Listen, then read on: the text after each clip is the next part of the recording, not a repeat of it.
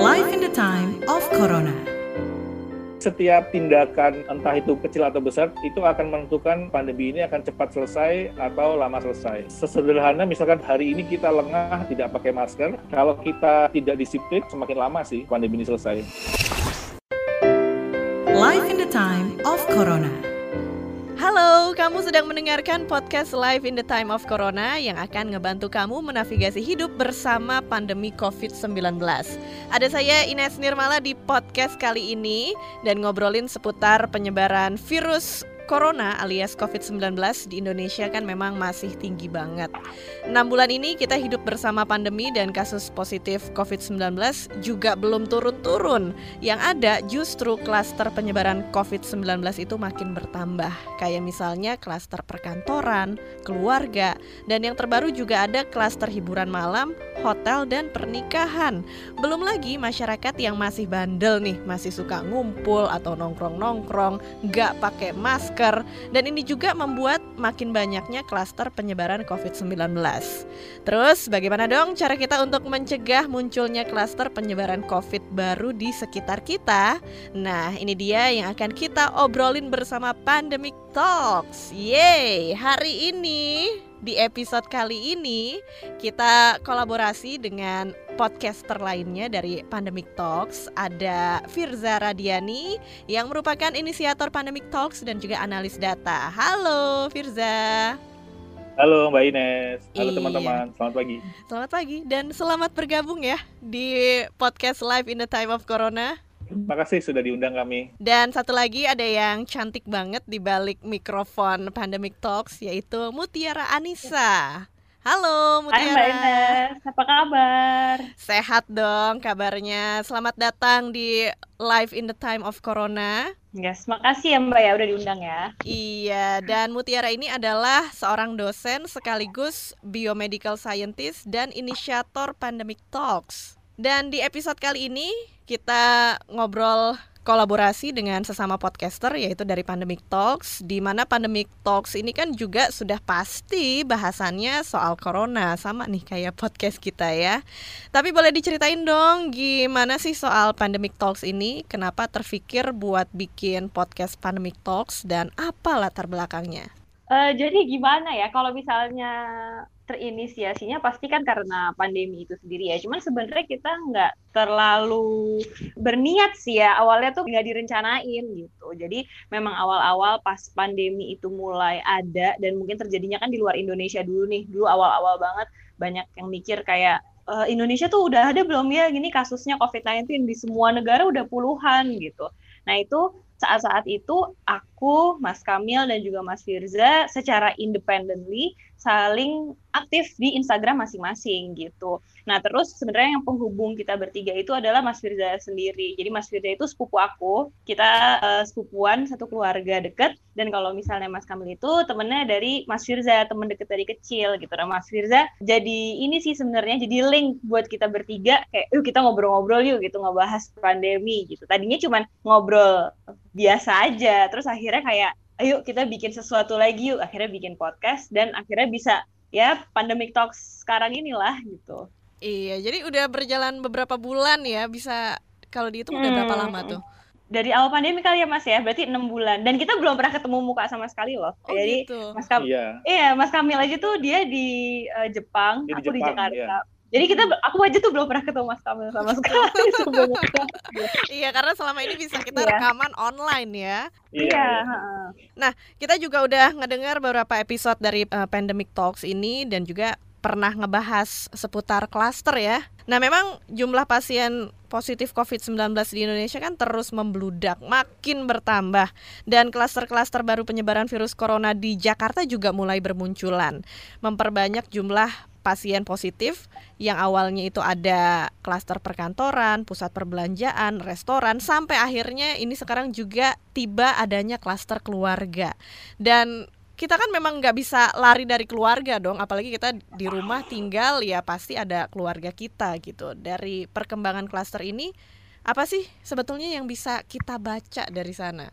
Iya, yang bisa kita baca adalah sebenarnya perkiranya kami sejak awal dahulu kami sudah memikirkan sih uh, jangan sampai transmisi virus ini semakin luas dan mengancam ke unit sosial terkecil yaitu keluarga. Nah, dan sebenarnya lagi sewaktu muncul banyak klaster kantor itu sebenarnya sebuah, menjadi sebuah tanda bahwa virus ini itu sudah masuk ke lingkungan-lingkungan sosial kita. Nah, begitu klaster kantor tersebut mulai bertransmisi ke klaster keluarga, sebenarnya itu adalah ke kondisi paling buruk dalam hal sosial ya, karena kembali lagi unit sosial terkecil di kehidupan kan keluarga. Kalau virus sudah sampai masuk ke keluarga, berarti itu sudah level dangerousnya sudah udah level paling tinggi, level 1 sampai 10 ya level 10. Itu yang bisa kita baca. Jadi uh, yang kita baca dan kita sampaikan adalah uh, ya hati-hati. Kita harus waspada barang-barang atau siapa pun yang datang ke rumah kita.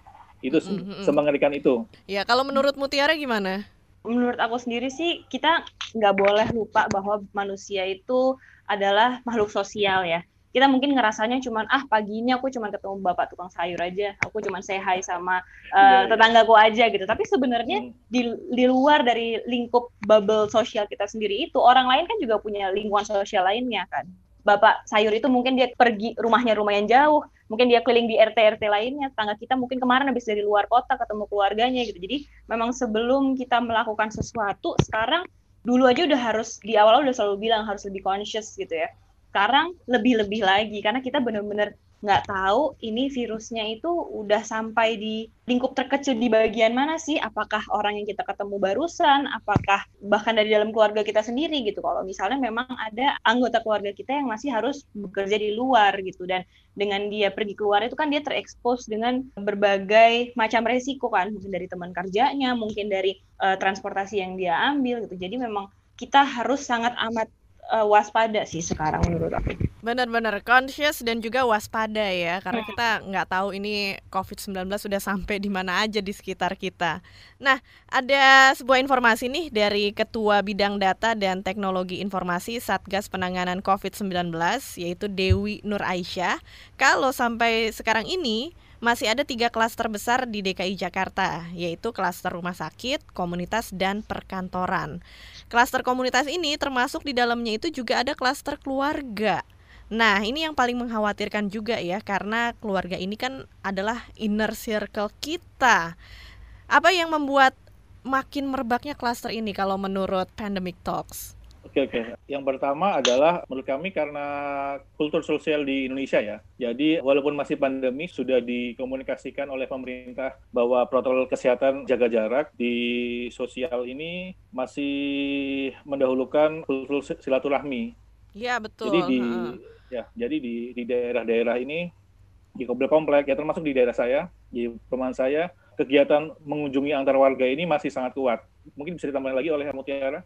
Hmm, kalau saya sih juga pengen nambahin aja sih, saya ngerasa bahwa sudah masuknya klaster sampai ke keluarga itu artinya menunjukkan bahwa eh, prevensi-prevensi uh, yang selama ini pemerintah dan masyarakat lakukan itu gagal gitu. Jadi kurang kuat prevensinya. Bisa sampai udah ke keluarga sendiri gitu. Berarti memang jalur komunikasi dan message-message yang disampaikan terdahulu itu kurang kuat dan kurang diimplementasikan oleh masyarakat gitu. Sampai akhirnya uh, message-nya untuk prevention-nya itu nggak ketangkep gitu dan akhirnya udah menyebar luas. Gitu. Dan benar juga sih kalau kata Firza tadi, culture di Indonesia itu masih kuat untuk budaya silaturahmi contohnya ya. Makanya suka berkunjung, ketemuan. Tapi kalau Firza dan Mutiara walaupun satu keluarga gini nggak silaturahmian satu sama lain nih eh, jujur malah belum pernah ketemu ya Mutiara sejak pandemi. Kita benar. Iya belum belum belum ya. Hari besar juga nggak ketemuan. Pas Lebaran juga ketemu di online ya Tiara. Berarti ini keluarga yang taat mematuhi protokol kesehatan ya. Iya. Iya iya iya. Dan kalau menurut kalian gimana sih cara untuk mencegah klaster keluarga ini supaya nggak makin besar jumlahnya? Boleh dari Mutiara dulu. Oke, kalau menurut aku sih memang kita harus acknowledge juga kalau misalnya setiap keluarga itu kan berbeda-beda ada keluarga yang punya rumah besar banget, kamarnya ada 10, jadi setiap individu di rumahnya itu bisa menerapkan uh, protokol kesehatan dengan maksimal gitu. Jadi kalau misalnya walaupun mereka ada yang harus keluar rumah gitu, paling nggak exposure waktunya tuh bisa mereka kontrol di situ. Tapi ada juga rumah yang isinya rame tapi personal space-nya itu kurang banyak gitu. Ada yang orang tua harus share kamar dengan anaknya, ada yang anak berempat semuanya kuliah kerja masih satu kamar gitu. Nah, ini juga kita sebagai satuan keluarga harus mencoba mengevaluasi lagi gimana caranya sih yang terbaik untuk kita bisa uh, ngelakuin protokol kesehatan secara maksimal. Kalau misalnya memang kamar tidur nggak bisa pisah, paling nggak kita harus menjaga misalnya ventilasi dari ruangan itu gitu. Kita juga harus uh, menjaga kebersihan dari rumah itu sendiri gitu. Misalnya rajin-rajin di disinfektasi, terus abis itu kalau bisa uh, alat makan tidak bertukar gitu. Jadi memang karena susah ya sebenarnya setiap keluarga itu berbeda banget. Jadi kita harus Eh, sering-sering uh, meeting dalam keluarga kecil itu sendiri dan kita benar-benar decide dan disiplin ya. Gimana sih caranya kita bisa hidup lebih sehat lagi dan lebih waspada dari COVID-19. Iya bener banget dan memang ya beruntung kalau misalnya keluarga itu punya rumah besar. Tapi di Indonesia kebanyakan juga orang-orang rumahnya ya komplek ukuran 36 mungkin kan itu kamarnya mungkin cuma yeah. ada dua atau tiga ya itu kan susah juga kalau jumlah orang di rumah itu banyak gitu ya. Dan, dan banyak juga kan yang tinggal dengan orang tua atau nenek. Nah itu mm -mm. apalagi ya jadi harus lebih waspada lagi. Iya. Nah kalau dari Firza sendiri gimana nih untuk yeah. mencegah kluster keluarga. Uh, ya, ini saya melengkapi uh, Mutiara. Saran dari pandemi sih dua dua aspek. Yang pertama aspek dari pemerintah ya. Jadi seperti Pemprov uh, dalam hal ini Pemda di tiap kota Pemkot itu harus mulai rajin melaksanakan tes swab massal di kampung-kampung di di komplek. Lalu lengkapi yang Mutiara tadi mengenai edukasi yang tanda kutip tidak maksimal, Pemda itu harus mengandeng tokoh-tokoh warga ya. Misalkan uh, ulama atau Pak RT. Jadi pemimpin-pemimpin di warga itu yang mengedukasi tiap warga sehingga satu komplek itu punya standar kesehatan yang sama ya. Jangan sampai misalkan uh, rumah ini disiplin, satu rumah nggak disiplin kan udah bubar tuh. Lalu dari sisi warga ya ini selektif menerima kunjungan orang lain ke rumah sementara ini kalau bisa malah tidak menerima dulu ngobrol aja dari jauh atau via silaturahminya via via digital. Iya. Uh lalu jangan jalan-jalan atau liburan dulu deh gitu loh. Kalau bisa keluar rumah itu cuma buat kerja. Itu pun habis pulang dari kantor ya udah ke rumah jangan nongkrong. Walaupun Ingat mall udah buka itu, ya, walaupun udah buka mall tapi nggak usah iya. nggak usah dulu deh kafe gitu. udah udah buka, ya. Terus misalkan ada gejala, segera periksa sih. Uh, kami menangkap beberapa uh, informasi bahwa di daerah ini, di daerah-daerah di komplek ini masyarakat masih takut sama stigma, stigma mm -hmm. bahwa apa namanya kalau saya bergejala atau terkena COVID takut takut diperiksa, dites swab atau dirawat. Lah kalau dia bergejala, lalu dia bersosialisasi, yang kena kan satu komplek. Di Bogor ada satu rukun rumah tangga, RT, rukun tangga yang sekomplek itu kena semua. Salah satunya penyebabnya itu. Karena ada satu orang yang nggak berani buat tes ya. gitu ya, akhirnya kena semua gitu. Iya, iya. Iya, iya. Memang benar sih standar kesehatan antara satu keluarga dan yang lain kita harus punya standar kesehatan yang sama bagusnya gitu. Tapi kadang-kadang masyarakat ini juga dibingungkan oleh pemerintah yang aturannya berbeda-beda gitu ya dari awal sampai sekarang gitu. Hmm. Kalau menurut kalian prevensi dari pemerintah gimana sih? Udah cukup bagus atau masih membingungkan? Ini mungkin aku sama Mas Firza sama sih ya inti jawabannya pasti kita berdua sih sangat merasa apalagi udah transmisi sampai ke keluarga itu kan berarti preventionnya belum cukup gitu jadi mode komunikasi dan cara pemerintah menginformasikan masyarakatnya itu nggak seragam dan karena nggak seragam itu jadi orang punya persepsi resiko tuh yang berbeda-beda gitu ada yang hmm. uh, takut banget ada juga yang nggak takut sama sekali atau percaya hoax itu tuh kan berarti memang ada gap informasi yang besar banget di masyarakat. Nah, sebentar lagi juga kita bakal menghadapi pilkada serentak nih di beberapa daerah kecuali Jakarta ya. Dan memang uh, ini agak serem sih pilkada ini banyak orang yang juga uh, ngerasa was-was apalagi paslon itu diizinkan untuk konser musik pula waktu itu ya dulu ya beberapa hmm. waktu lalu kita dengar. Tapi sebetulnya ini kan langkah yang backfire buat si paslonnya juga. Kalau dia mau jualan uh, dalam tanda kutip jualan kepentingan rakyat ya harusnya juga menjaga kesehatan rakyat dengan nggak bikin acara yang membuat masyarakat berkerumun. Nah, apa yang bisa dilakukan uh, sebagai publik? Apakah misalnya kita justru bikin semacam gerakan yang menolak untuk datang ke acara konser pilkada gitu atau gimana nih?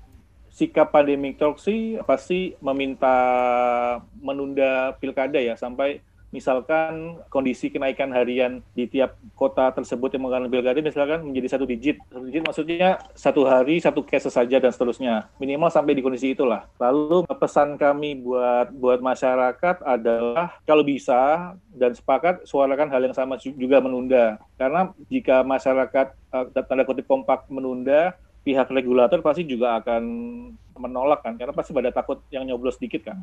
Lalu juga masyarakat sebaiknya saran kami memilih paslon yang berperilaku dan berprotokol kesehatan yang kuat. Jangan sampai dong daerah kita, kota kita, kabupaten kita itu dipimpin oleh paslon misalkan yang pas kampanye aja dia tidak menerapkan protokol tersebut. Atau kalau mau mutiara adalah ya kita kepoin ini visi misinya beliau, Bapak Ibu ini. Ya, uh, sedetail itu. Misalkan divisi misinya tentang bidang kesehatannya tidak ada tentang uh, prevensi surveillance atau misal membangun lab PCR di kota tersebut detail itu sih saran kami.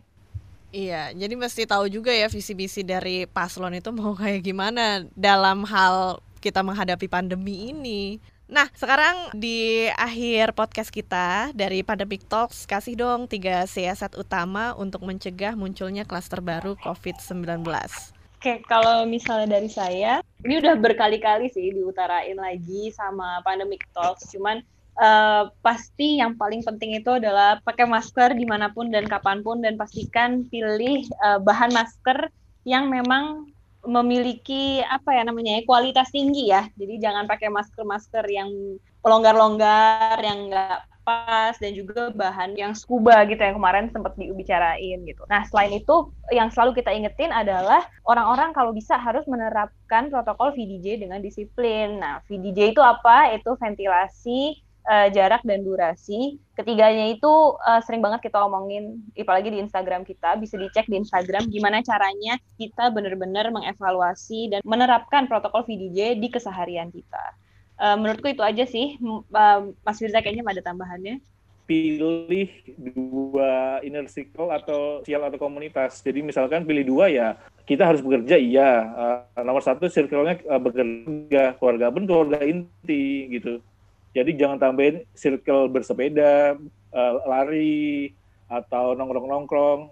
Di kondisi seperti ini, ya berrelasi terhadap komunitas tersebut tetap iya, tapi kan bisa melalui WhatsApp ya. Yang ya intinya itu sih. Semakin sedikit sosial yang kita hidupi dan jalani, semakin rendah peluang transmisi virus tersebut datang ke keluarga kita. Yang terakhir, ini jargon kita yang terbaru sih. Jadi setiap tindakan kecil kita, entah itu kecil atau besar, itu akan menentukan uh, pandemi ini akan cepat selesai atau lama selesai. Sesederhana misalkan hari ini kita lengah tidak pakai masker, atau karena hari ini kita lengah, nggak apa-apa deh, saya ketemu saudara saya yang ada di Bekasi, yang ada di Tangsel gitu. Kalau kita tidak disiplin, benar-benar disiplin, ya semakin lama sih uh, pandemi ini selesai. Oke, tetap waspada dan juga disiplin untuk menjaga kesehatan dan mematuhi yeah. protokol COVID-19 juga ya. Dan yeah. kalau mau tahu informasi seputar virus corona dan yang berkaitan tentang pandemi bisa juga ngelihat di Instagramnya Pandemic Talks ya. Nama akun Instagramnya apa? At Pandemic Talks. Oke, bisa langsung dikepoin aja ke situ. Bisa dengerin juga uh, podcast dari Pandemic Talks ini dan terima kasih banget Firza dan Mutiara juga udah menyediakan waktunya buat ngobrol-ngobrol bareng sama saya di Live in the Time of Corona. Thank you dan sukses selalu buat kalian berdua serta Pandemic Talks. Sama-sama Mbak, thank you juga ya. Sama-sama Mbak Ines, terima kasih. Iya, dan terima kasih juga buat kamu yang sudah mendengarkan podcast Live in the Time of Corona. Untuk ide dan masukan, silahkan kirim email ke podcast at kbrprime.id. Tulis di bagian subjek podcast Corona. Dan jangan lupa ikuti juga podcast yang cocok untuk curious mind kamu di www.kbrprime.id atau platform mendengarkan podcast lainnya. Ikuti kami di Instagram at kbr.id dan sampai jumpa di episode selanjutnya. Life in the time of Corona.